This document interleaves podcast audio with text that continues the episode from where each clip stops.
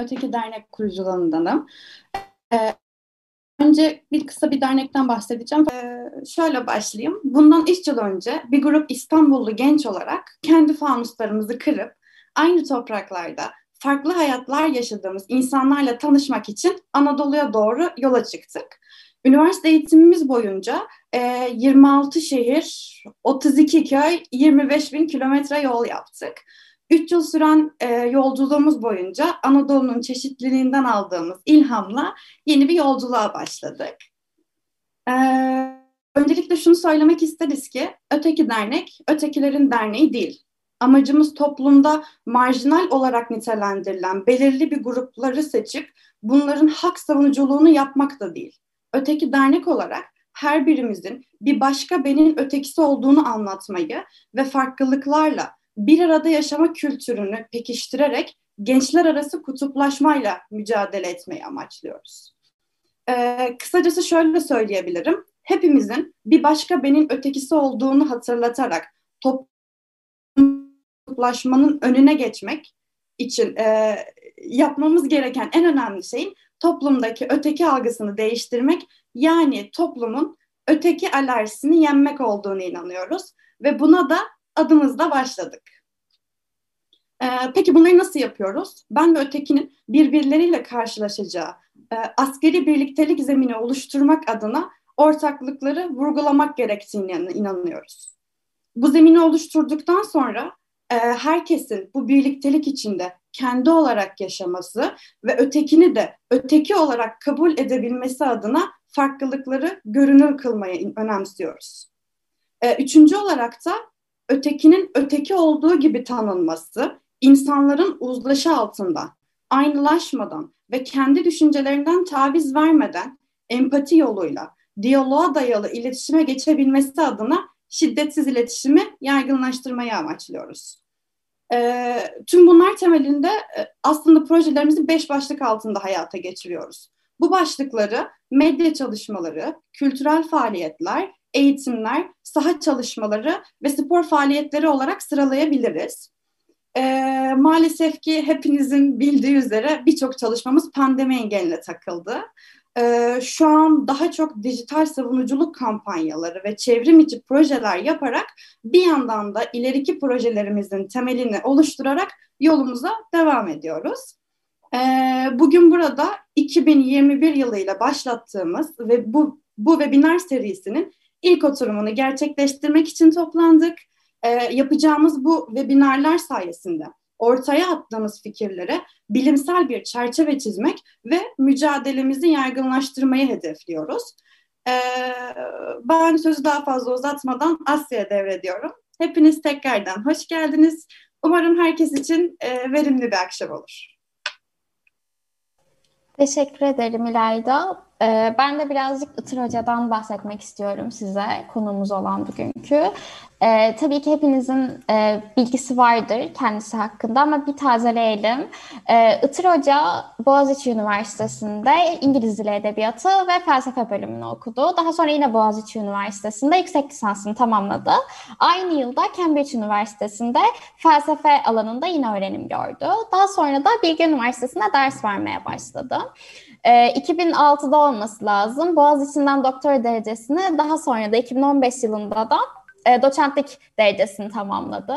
Sosyal girişimcilikle ilgilenen hocamızın da e, Adım Adım ve Açık Açık adlı iki tane platformu var kuruculuğunu üstlendiği. Sivil toplum alanında yaptığı çalışmalar dolayısıyla hatta da 2019'da Fark Yaratanlar programına konuk oldu. 2014'te ise Aşako Fellow seçildi. Kendisi aynı zamanda benim Bilgi Üniversitesi'nden çok saygı duyduğum ve çalışmalarını da çok severek takip ettiğim bir hocam. Bu yoğun programında da bizi kırmayıp davetimizi kabul ettiği için burada bu kalabalıkla aslında buluştuğu için de kendisine baştan da herkes adına çok teşekkür etmek isterim tekrardan. Kendisiyle bugün e, şiddetsiz iletişim ve diyaloğun önemini konuşacağız. Ee, akışımız şu şekilde ilerleyecek. Önce bir sunum olacak hocamızın. Daha sonra da bir soru cevap e, bölümümüz olacak. Sorularınız olursa Yani şey bozmamak adına, dikkat dağılmaması vesaire adına isterseniz not alabilirsiniz. Bu soru cevap yapacağımız kısımda iletebilirsiniz mikrofonunuzla ya da bize ileterek vesaire. O da aklınızda bulunsun. Bunu da hatırlatmış olayım. Daha fazla da uzatmadan sözü ben de Itır Hoca'ya bırakayım. Çok teşekkürler Asya. Çok sağ olun arkadaşlar. Burada olmak çok güzel. Ee, yani dernekle ilgili Tuana benimle iletişime geçti. Ee, ve gerçekten çok e, çok mutlu oldum ben de. Ee, böyle bir konuyu gündeme alıp e, bu kadar sahada vakit geçirip sonra da e, kurumsal bir yapıya döndüğünüz için e, herkesin emeğine sağlık. Şimdi evet biraz Asya'nın bahsettiği gibi ben e, çok uzun yıllardır yani 2001 yılından beri bilgide ders veriyorum ve ders verdiğim alanlar e, toplumsal cinsiyet eşitliği, insan hakları ve medya gibi alanlar. O yüzden e, hemen hemen her dersimde öteki öteki olma durumu, ötekiyle yüzleşme e, bunlar sürekli e, gündemimizde. E, hatta birinci sınıfta verdiğimiz bir 179 dersi var. E, o dersin ikinci haftası ötekiyle başlıyor. Yani ben ve öteki e, neden e, ve herkese de aynı sizin yaptığınız gibi aslında birini ötekileştirirken başka kişiler tarafından nasıl ötekileştirildiğimizi e, farkındalığını yaratmaya çalışıyoruz. Yani e, ben hiç öteki olmadım diyen kimse çıkmıyor. E, burada değilsem belki yurt dışına gittiğinde ötekisin ee, belki kafalarda bir Müslüman kadın imgesi var. Bir yerde ötekisin.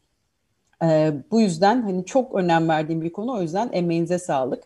Bir yandan da e, tabii sivil toplumda e, üniversite yıllarından beri e, çok aktif görev aldığım için e, yani ben de Boğaziçi'nde okurken başladım. Dezavantajlı bölgelerde çocuklarla çalışarak. E, çok farklı STK'larda gönüllülük yaptım. Evet Chicago'da bir çocuk hastanesinde dezavantajlı gruplarla çalıştım sanat terapisi gönüllüsü olarak. Yani her tür e, farklı yerde aslında farklı ötekilerle tanışıp ben de yeniden yeniden e, bu konuda ne kadar öğrenecek şeyimiz olduğunu fark ettim.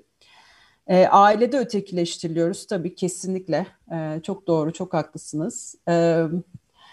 Ve e, hani bu alanda e, bayağı bir e, deneyim olduğunu e, hep düşündüm. Yani çünkü her seferinde yeniden öğreniyorsunuz. Aa diyorsunuz burada şöyle bir dil kullandım. Bunu da e, düzeltmem gerekiyor. Ya da aklınıza hiç gelmeyen e, belki bir detay yakalıyorsunuz. E, fakat bir gün bundan 6-7 sene önceydi. Ben bir şiddetsiz iletişim eğitimi aldım. E, Ashoka Fellow'um ben. Ashoka bir e, sosyal girişimcilik ağı ve o ağın içinde yer alan herkese çünkü hepimiz e, dezavantajlı gruplarla çalışıyoruz, hepimiz sahadayız. Burak Ülman e, başka bir okul mümkünün kurucusu.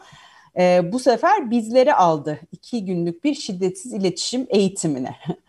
Ve sahadaki hepimiz e, yani yıllardır bu bunun içinde olan e, her türlü ötekiyle her yerde çalıştığını düşünen herkes e, yer yer zorlandı.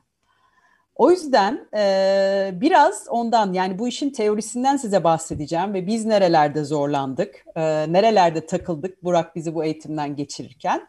Onları anlatırken e, gene kendi deneyimlerimi de paylaşacağım. Yani o onun hikaye kısmını da paylaşacağım. Sonra da hep beraber tartışırız. E, evet ben şimdi ekranımı paylaşıyorum sizinle arkadaşlar. Demin kontrol ettik bir sorun yoktu. Görebiliyorsunuz değil mi? Hiçbir sorun yok. Tamam süper.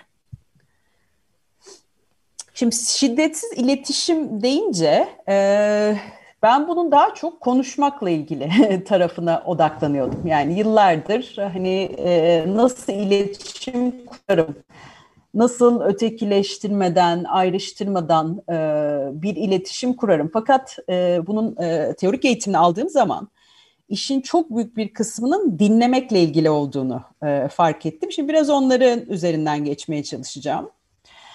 E, şiddetsiz iletişim üzerine tabii e, bildiğimiz en yaygın kullandığımız kitap Rosenberg'in kitabı. E, ve aslında e, şiddetsiz iletişimin ihtiyaç, duygu ve davranış üçgeniyle ilgili olduğunu e, bize anlatıyor. Yani ben de o güne kadar hani Rosenberg'i okuyana kadar Buran çok detaylı e, günler süren eğitiminden geçene kadar e, inanın bu şekilde bakmamıştım. Yani el yordamıyla e, şiddet iletişim kurmaya çalışıyordum.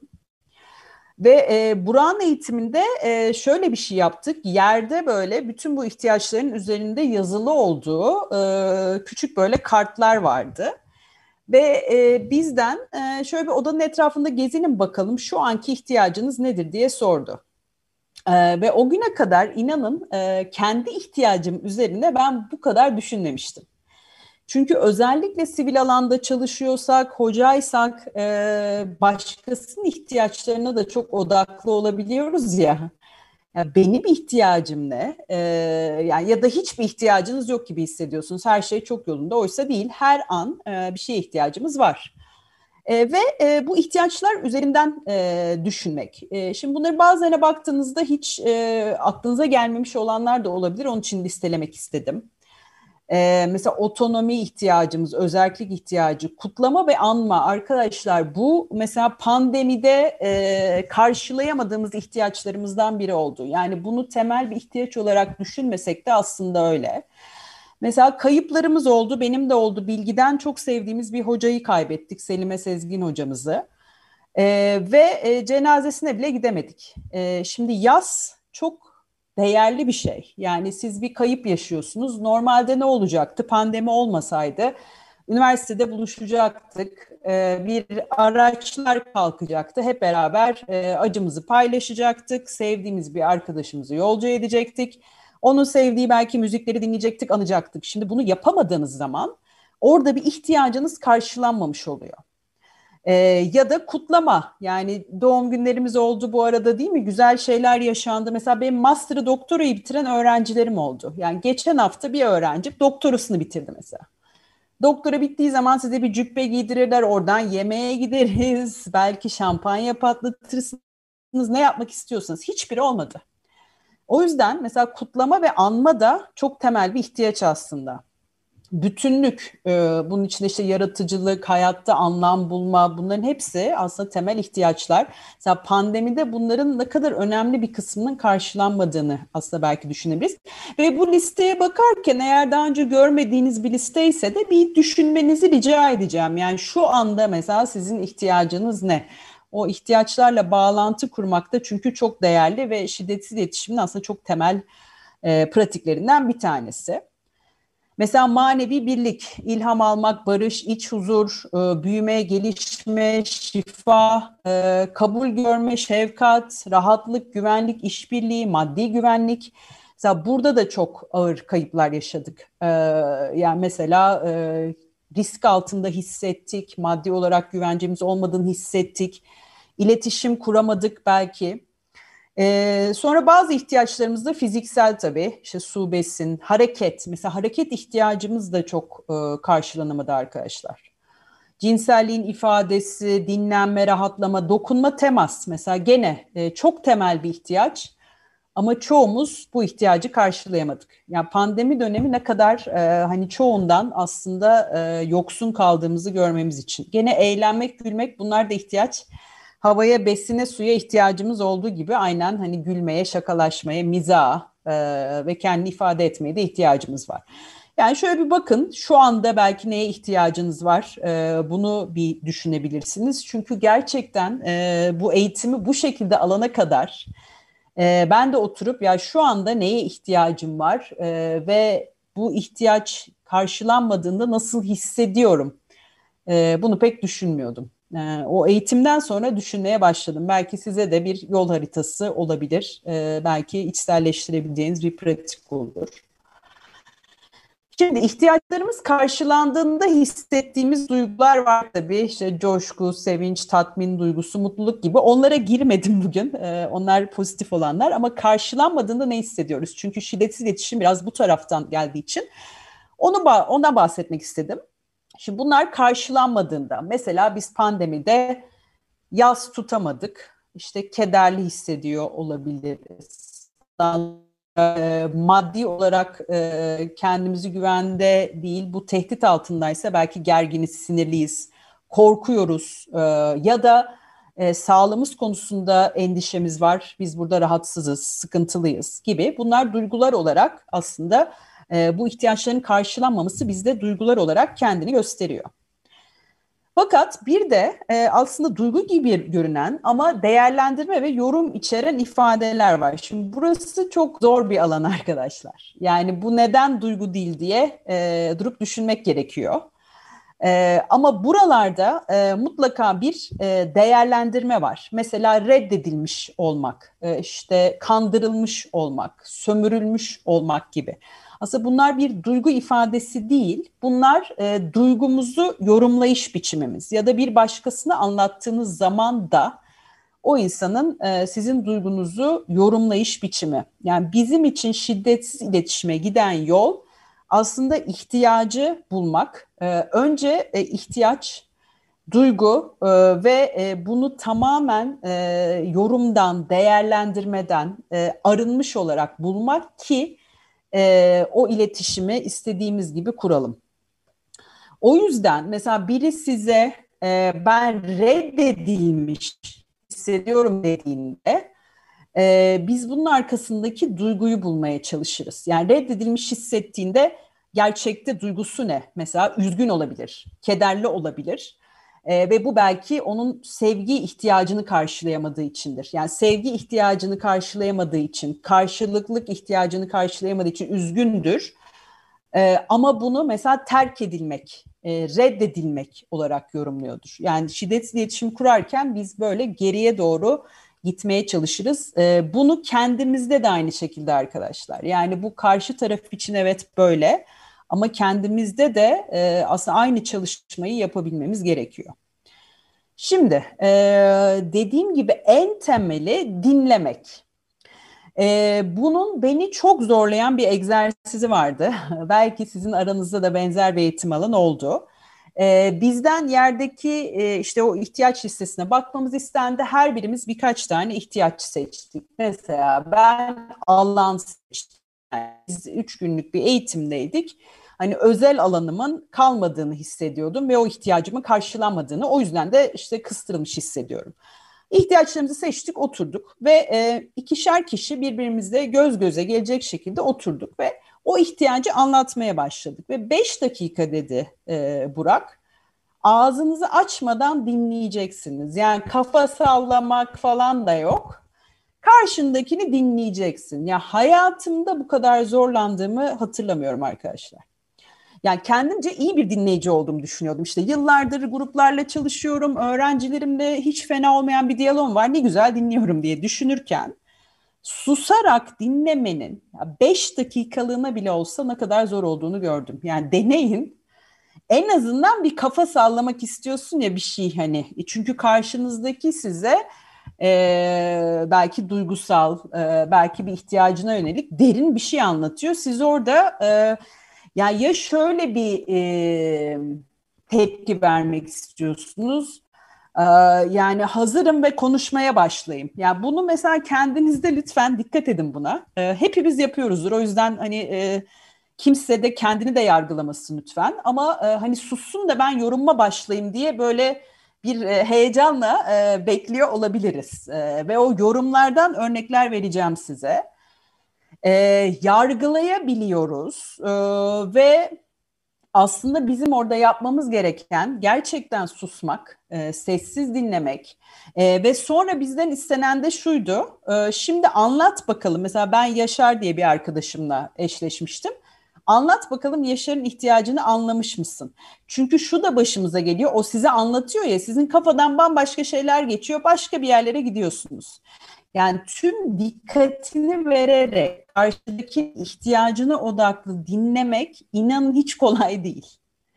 Ee, ve bunun pratiğini e, sürekli yapmanız gerekiyor. Yani ben yıllardır alandayım işte bu eğitimleri de aldım. Her seferinde tekrar tekrar kendime bunu hatırlatmam gerekiyor. Sus, dinle, tepki verme e, ve odağa e, şaşırma. Çünkü kafadan e, zihin başka yerlere gidiyor. Yani o size anlatırken siz belki kendi yaşantınızı falan düşünüyorsunuz. O yüzden hep şöyle dinleyin. Yani öyle bir odaklanın ki o sustuğunda onun hikayesini ona geri anlatacak kadar dikkatli dinlemeye çalışın. Ve orada yapmamız gereken tabii o insana alan açmak. Yani müdahale etmemek, yargılamamak ki o kendini ifade edebilsin. Aslında şiddetsiz iletişim dediğimiz şey de bu. Fakat e, biz ne yapıyoruz? Bunlarda da kendinizi bulabilirsiniz. Mesela çok yaygın yaptığımız bir şey karşınızdaki başladı. Türkiye'de en sık gördüğümüz belki ah kadınlar ah erkekler siz zaten hep böylesiniz. Zaten bütün kadınlar işte alışveriş yapmak ister. Zaten bütün erkekler maç izler. İşte sen zaten hep böylesin. Yani bir anda e, karşımızdakini bir birey olarak e, almayı bırakıyoruz bir kenara ve böyle bir genelleme. Ya da e, o insanın o gün nasıl hissettiğini çünkü şunu düşünün yani bu ihtiyaçlarımız günden güne de değişiyor arkadaşlar. Yani şu anda belki listeye baktık bir iki bir şey bulduk. Yarın aynı saatte toplansak e, belki başka bir ihtiyaçtan bahsedeceğiz. Yani orada karşımızdakine sen hep böylesin zaten gene dinlemediğimizi gösteriyor. O anda size bir şey anlatmaya çalışıyor. Ee, gene kıyaslamak. Mesela bu ailede maalesef Türkiye'de özellikle çok yaygın gördüğümüz bir şey. Yani e, çocuğunu başka çocuklarla kıyaslamak. Bak sınıf arkadaşların öyle mi yapıyor? İşte onlar e, sınava hem sınava hazırlanıyor hem şöyle falan gibi. Ee, mesela ben ne yapıyorum? Kendimde keşfettiklerimi de söyleyeceğim. Yani ben de bunlardan muaf değilim arkadaşlar. O yüzden her seferinde kendinize hatırlatmanız gerekiyor. Benim de bir kızım var. 14 yaşında şu anda. Ama ben sahada çok vakit geçiriyorum. Ee, size söylediğim gibi. Ee, ve mesela geçen sene e, Gambiya'daydım. İşte Gambiya, Sahra Altı Afrika'da belki biliyorsunuz dünyanın en yoksul e, ülkelerinden bir tanesi e, işte çoğu köyde yani bayağı orta çağ şartları yaşanıyor. Yani elektrik yok, su yok, kanalizasyon yok. İşte günde bir öğün belki yemek yenebiliyor. Hastane yok, hiçbir şey yok yani öyle düşünün. Mesela kızım bana en küçük bir şikayet ettiğinde ben ona onu dinlemediğimi ve ya Gambiya'da insanlar şöyle sen ne diyorsun mesela diyebiliyorum. E, ve her seferinde kendimi durdurmam gerekiyor. Yani refleks olarak e, sen burada kendinden şikayet ediyorsun ama diye e, kendimi durdurmaya çalışıyorum. Yani bunu inanın hepimiz yapıyoruz. Önemli olan hani fark edip e, yani bu aslında çocuğuma e, haksızlık, ona alan açmıyorum ve şiddetsiz iletişim prensipleri e, hani gerçekten dinlemeyi gerektiriyor. Bizim orada bir anda karşılaştırmalara gitmememize. Sonra yorumlar. Ee, yani bu da maalesef çok yaptığımız bir şey. Ee, size anlatmaya başladı. Ben özellikle de özel bir ilişki ise işte bence terk et. Bak ben terk ettim ne güzel oldu. Ee, sen de hemen çık git o evden falan. Yani belki o insanın ihtiyacı o anda evden çıkıp gitmek değil. Yani belki senin alan ihtiyacın vardı. Çıkıp gitmek sana iyi geldi. O insanın başka bir ihtiyacı var. Ee, orada hemen yoruma ve tavsiyeye geçmek, genelde de sözünün bitmesini beklemeden bunu yapmak. Ee, ve e, tabii bu da yani o bir an önce sussun da ben anlatmaya başlayayım derken kendi hikayesini anlatmaya payla başlamak. Ee, bunu da bazılarımız diğerlerine göre daha çok e, yapıyor. E, düşünebilirsiniz. Yani etrafınızdan da örnekler belki gözünüzün önüne geliyor. O size anlatmaya başladı. E, işte dedi ki e, mesela bir e, sahada biriyle karşılaştınız, e, size cinsel tacize uğradığını anlatıyor. İşte ve o anki ihtiyacına gelecek, duygusuna gelecek. Siz diyorsunuz ki aa ben var ya ben daha beterini yaşadım. Ee, bana da olmuştu. İşte beni de şu taciz etmişti falan. Yani o anda siz değilsiniz. Yani orada dinlemek için oradayız. Ve orada ben ben diye başladığınız an ona alan açmayı e, bırakıyorsunuz ve kendi hikayenize e, geçiyorsunuz. Ya da kendi duygularımıza kaptırmak. Mesela bu da belki çok yaptığımız bir şey. Özellikle sahadaysak arkadaşlar bu konu çok dikkat. Ee, yani dezavantajlı gruplarla çalışıyorsak, e, yoksulluk gibi bir alanda çalışıyorsak, ah vah vah çok üzücü mahvoldum işte fena oldum falan gibi e, mesela bazen çünkü siz, biz de insanız e, ve böyle bir durum e, söz konusu olabiliyor. Mesela hastanede çalışmak için ben çok uzun süre e, eğitim aldım. Yani gönüllü olarak çalışmak için bile. Çünkü bazen içinizden yani bir çocuk hastanesiydi bir anda hani sizde duygularınız var ve eyvah dağıldım gibi hissedebiliyoruz ama en azından onu orada göstermemeye çalışmak. Çünkü karşıdakini gerçekten bloke eden e, ve onun e, gene odağa bakın siz kendinize çeviriyorsunuz. Yani o dinlemek çok zor dedim ya. Bütün bu nedenlerle çok zor. Çünkü biz gerçekten hani sussun ben başlayayım. Yani bir şekilde ben ya tavsiye vereyim ya kendimi anlatayım ya yorumlayayım. Ee, böyle bir refleksimiz var ve inanın bu hepimizde var. O yüzden hani hiç lütfen kötü hissetmeyin. Bunları yapıyorsak ben de yapıyorum. Ee, ya da mesela çok hızlı onu iyileştirmeye çalışmak. Yani size geldi derdini anlatıyor. Mesela diyor ki ben evde kaldım. Çok kötü hissediyorum. E, çünkü benim işte hareket ihtiyacım var ve bu karşılanmadığı için e, çok kötüyüm diyor. Ve siz böyle aa canım bunu mu kafaya taktın? Unut gitsin bu nedir ki diyorsunuz. Mesela o insanın aslında gerçek bir ihtiyacı ve onu karşılanmadığı için hissettiği bir duygusu var. Ee, biz ne yapıyoruz? Ee, onu önemsemediğimizi ve onun ciddiye almadığımızı ifadesini e, ona yansıtıyoruz. Bunu mu kafaya taktın? Ya da diyor ki mesela sevgilim aramadı. E, yani onun bir ihtiyacı var. Belki işte gene ilişkisinde karşılıklılık, sevilmek ondan sonra ve o ihtiyaç karşılanmadığı için çok üzgün. Siz diyorsunuz ki ya bunu mu kafaya tak? Ne var bunda canım aramazsam zaten lanet adamın biri falan. Ee, şimdi onun duymak istediği bu değil. Gerçekten değil. Size o zaman ne oluyor? İletişim orada e, kesiliyor.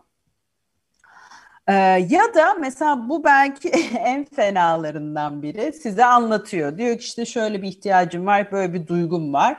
Aa hayır canım korkuyor falan değilsin. Sana öyle geliyor. Korku böyle bir şey değil. Yani siz onun duygusunu bile düzeltmeye çalışıyorsunuz. O duygu senin hissettiğini zannettiğin şey korku değil e, gibi bile bir müdahalede bulunabiliyorsunuz.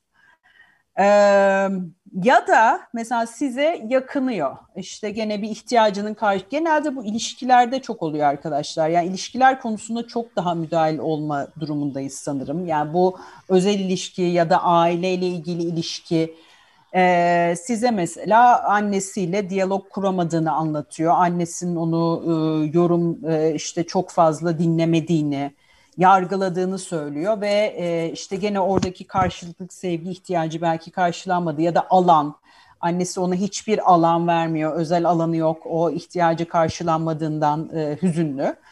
Siz böyle vay be rezalet zaten bu böyle bir kadın şerefsiz lanet olsun falan gene mesela e, alan açmadan dinlemeden e, yorumlamaya başlıyoruz.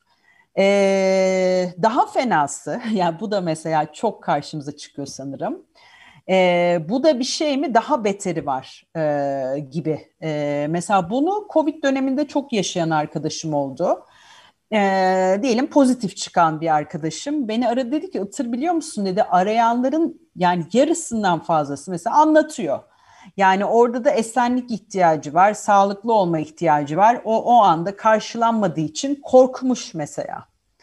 Arayanların çoğu yani nasılsın, bir şeye ihtiyacın var mı deyip onu dinlemek, alan açmak yerine ya bu bir şey mi? Benim komşu var ya öldü. Yani sen neden işte evdesin ve korkuyorsun? Bak şükret evdesin. Öteki işte 20 gündür entübe falan diye e, artık mesela e, konuşmadığını söyledi. Yani arayanlarla bu yüzden konuşmadığını. Çünkü kimsenin yani çok büyük bir grubun e, onun ihtiyacını dinlemek için değil hani e, neredeyse e, korkusunu, endişesini küçümseyecek bir şekilde hani sen haline şükret e, ondan sonra e, daha da fenası var. Yani ya ben daha fenasını yaşadım ya komşu daha fenasını yaşadı. E, bu da mesela e, çok refleksif olarak yaptığımız bir şey olabiliyor. Yani biri size bir olay anlattığında sizin hemen durdurup ya benimki çok daha kötü ya da e, o bir şey mi bak öbürününki daha fena gibi e, hani onun söylediğini hafife almak e, çok daha beteri var e, diyerek e, bu mesela kültürel olarak da e, Türkiye'deki kültürde de çok olan bir şey. Yani şöyle bir baktığınızda aslında bunların hiçbirini yapmadan dinlemek çok zor. E, ve çoğumuz e, bir noktada yapıyor olabiliriz. Yani ne yapabiliriz? E, fark ettiğimizde durmaya çalışalım. E, ben de bazen yapıyorum. Yani asla yapmıyorum diyemeyeceğim. Özellikle mesela pandemi döneminde yani bu dönem işte derin yoksulluk arttı, eşitsizlikler daha da arttı ve ben e, sahada çok çalışıp çok proje yaptığımda mesela insanlar evlerindeyken şikayetlendiğinde hani bunları dinlemediğimi e, ve iletişim kurmakta çok zorlandığımı fark ettim. Yani biri bana evinde olduğu için endişeli olduğunu, sokağa çıkamadığı, hareket edemediği için endişeli olduğunu anlattan sen ne diyorsun ya o da bir şey mi? İnsanlar aç, işsiz, evinde olduğuna şükret falan dedim. Ee, ama işte bu şiddetli iletişim değil arkadaşlar. Yani bunu e, ben çözdüm, bitirdim, harika e, diyemem. E, ama hani her seferinde hatırlamakta, hatırlatmakta fayda var. Şimdi nereden başlayacağız? Mutlaka kendinizden başlayın arkadaşlar. Hepimiz için bu. Ee, burada bir harf atlamışım kusura bakmayın.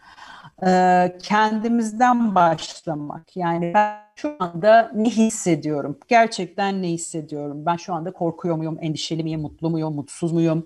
Yargılamadan hissimize odaklanmak. Ee, o duygu nedir? Ve bu duygu hangi ihtiyacım karşılanmadığı için orada? acaba bu ihtiyacın karşılanması için bir şey yapabilir miyim? Çünkü genelde e, tabii duygu ve ihtiyacı göremiyoruz arkadaşlar. Gördüğümüz ne hareket, davranış. Mesela karşımızdakinin bağırdığını görüyoruz ya da kendimizin işte öfkelenerek sesimizi yükselttiğini görüyoruz. Ee, bunun arkasındaki duyguyu e, ve o duyguya neden olan ihtiyacın yoksunluğunu bulduğumuz zaman aslında e, çözüm de çok daha kolay. Yani belki de o ihtiyacı karşılamamız mümkündür. E, ama kendimizden başlayarak. E, yine burada tabii bunları fark ettikçe hem kendimize hem başka insanlara karşı çok daha şefkatli davranabiliyoruz. Ee, mesela bir tabir duymuştum çok hoşuma gitmişti. Ee, kendine önce e, zürafa kulaklarını çevirmek. Zürafa e, bedenine göre kalbi en büyük e, canlıymış. Ve e, aslında bizler özellikle de işte sizler gibi derneklerde çalışanlar, sahada yaşayan bizler hani başkalarıyla diyalogta çok daha özenli olabiliyoruz. Kendimize karşı çok daha acımasız olabiliyoruz. Yani kendimizi çok daha ağır eleştirebiliyoruz. Oysa ilk yapmamız gereken e, kendimize şefkatli yaklaşmak. Yani o anki duygumuza odaklanmak, korkudur, kaygıdır, e, hüzündür, her neyse. E, peki hangi ihtiyacım karşılanmadı? Buna bir çözüm bulabilir miyim demek. E, ve kendimizden başlamak. Yani bu bir tür duygu ve ihtiyaç okur yazarlığı aslında ve gelişir. Yani biz nasıl iletişim fakültesinde işte medya okur yazarlığı, yani gördüğün haberi nasıl gerçek mi onu anlarsın, işte yalan haberi nasıl yaymazsın gibi. Aslında duygularımızı ve ihtiyaçlarımızı da anlamak, okuyabilmek e, çok değerli. Yani öyle bir noktaya gelip bir süre sonra hani e, çok daha kolay belki göreceğiz hem kendimizde hem başkalarında ama bu gerçekten ciddi bir çalışma ve pratik gerektiriyor. Yani size bahsettiğim gibi hani ben yıllardır bunun üzerine çalıştığımı, kendimce çok iyi diyalog kurduğumu düşünürken şunların hepsini yani her birini yaptığımı fark ettim ve susmadan dinlemekte ne kadar zorlandığımı. Yani bu öğrencim de olsa, sevgilim de olsa, çocuğum da olsa, sahada karşılaştığım bir insan da olsa. Ee, mesela şunu da fark ettim, belki sizde de olabilir. En yakınlarıma en kötü dinlediğimi. Ee, mesela öğrencilerimi, yani kızım hep onu derdi, eski eşim de onu dedi. Hani çok samimice sizinle paylaşmak istiyorum. Ya başkalarını dinlediğin gibi bizi asla dinlemiyorsun. Hani belki öyle bir noktaya geliyorsunuz ki hani böyle dinleyeceğim bir süre sonra eve geldiğinde böyle kimseyi dinlemez. Hani böyle kapıyı çarpar gider bir hale gelebiliyorsunuz. Yani o hani en yakınımızdakileri en kötü dinliyordu olabiliriz. Ee, onu da anlamaya çalışın. Yani kendimizde bunu da fark edebiliriz. Daha da fenası işte kendimizi hiç dinlemiyor olabiliriz. Yani kendimize karşı da acımasız olmamak. Şimdi nedir? Ee, aslında e, özellikle anlaşmazlıklar söz konusu olduğunda arkadaşlar yani gerçekten dinleyerek anlamak e, tüm tarafları.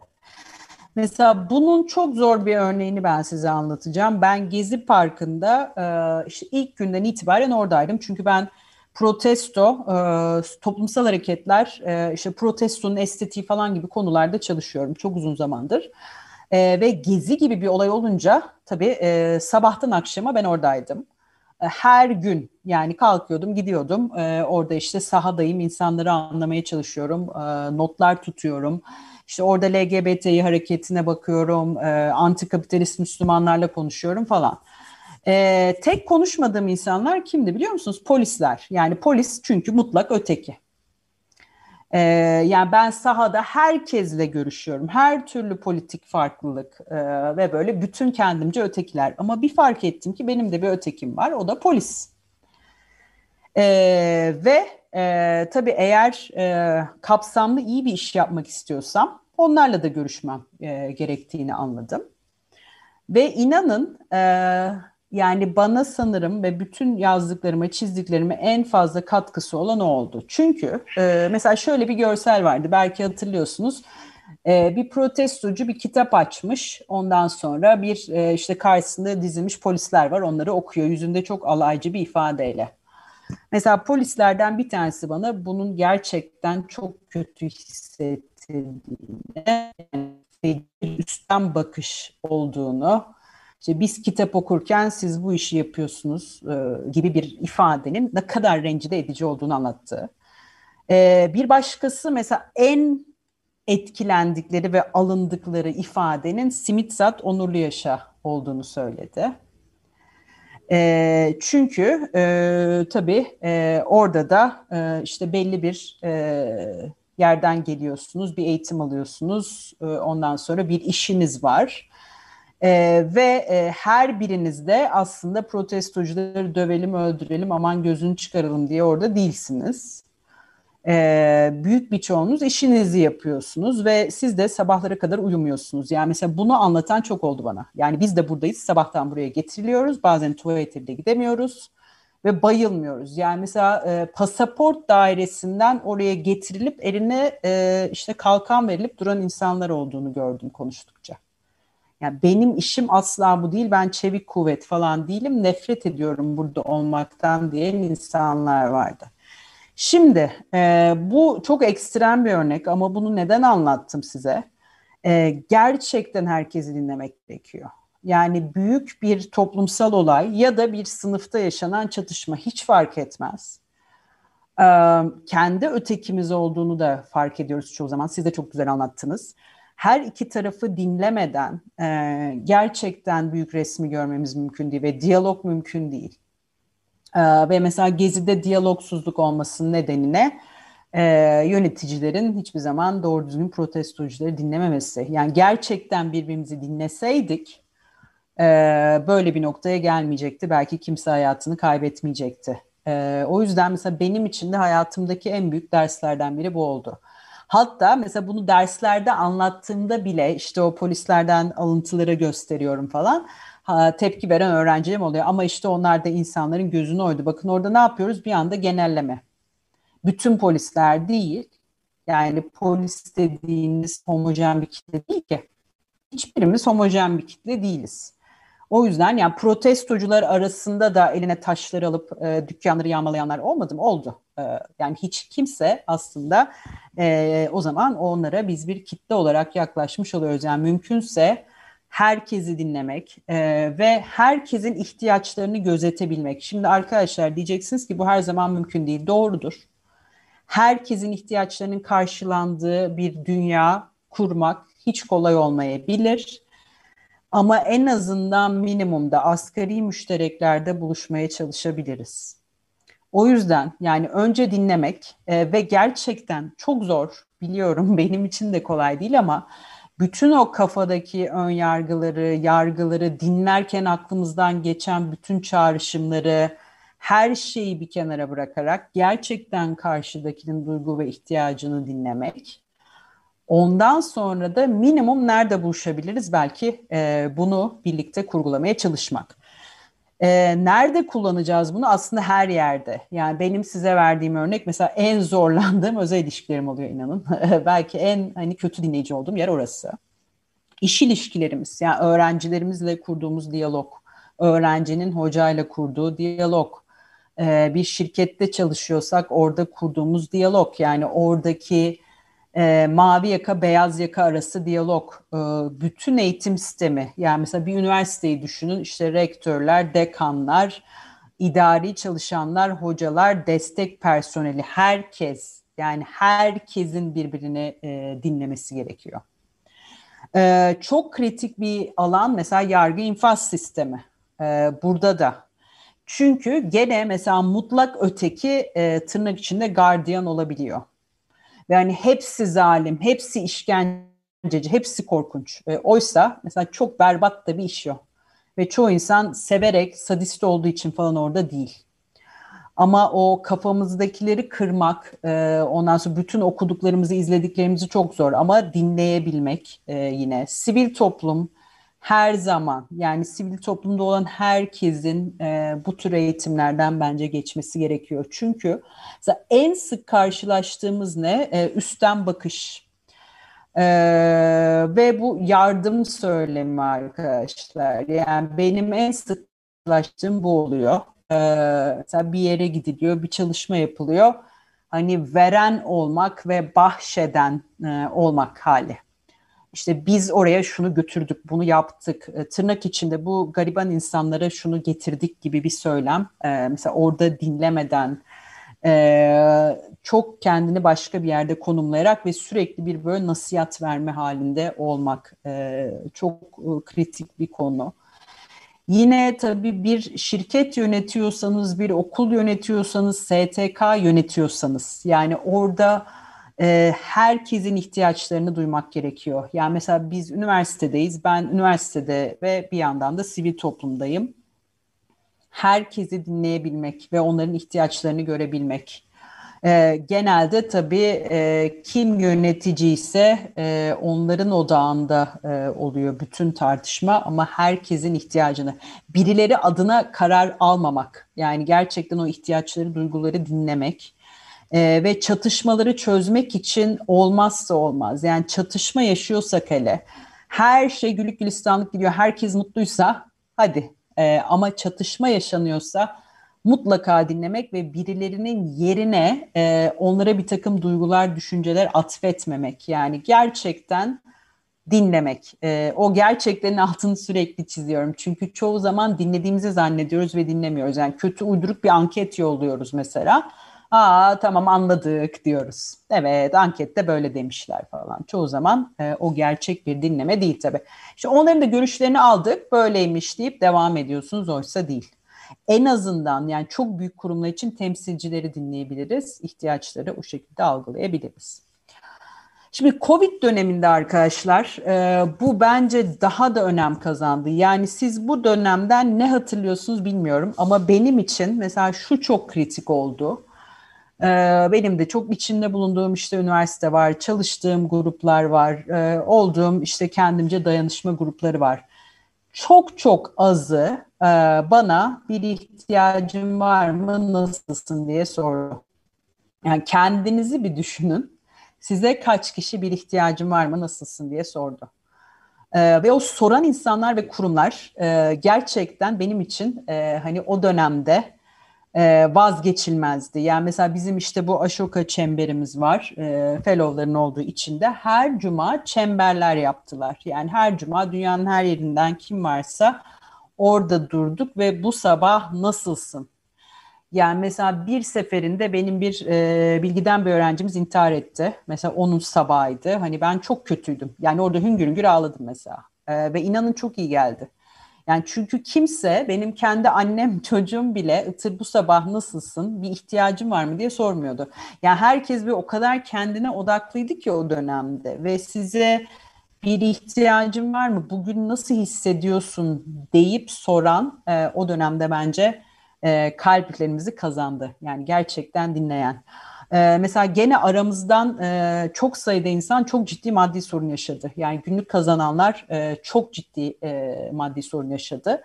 Ve mesela hemen onlar için e, işte fonlar yarattık falan. Ama bunu e, çok az içinde bulunduğum yani ki düşünün ben sivil alandayım, akademideyim çok az içinde bulunduğum grup yaptı. Ee, neler yapıldı? Hadi çabuk işler bitti mi? Excel tablolarda kaç saat çalıştığını yolla falan gibi.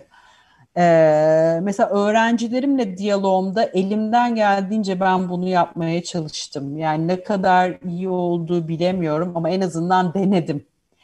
Yani her derse gelip önce çember kurduk. Yani bu sabah ne hissediyoruz? Herkes duygusunu paylaştı. Yani ben korkuyorum, e, ağlamak istiyorum, mutluyum, mutsuzum. E, çünkü onları konuşmadan arkadaşlar yapacağınız herhangi bir teorik tartışma falan hiçbir şeyin anlamı yok. Yani özellikle çoğumuzun e, çok ciddi ihtiyaçlarının karşılanamadığı ortamda. Yani bazı öğrencilerim fark ettim ki e, işte İstanbul'a geldik yaşasın derken e, ondan sonra dört kardeşiyle oturdu eve geri dönmüş. Orada da bilgisayar yok. Yani o kadar temel ihtiyaçları karşılanmıyor ki.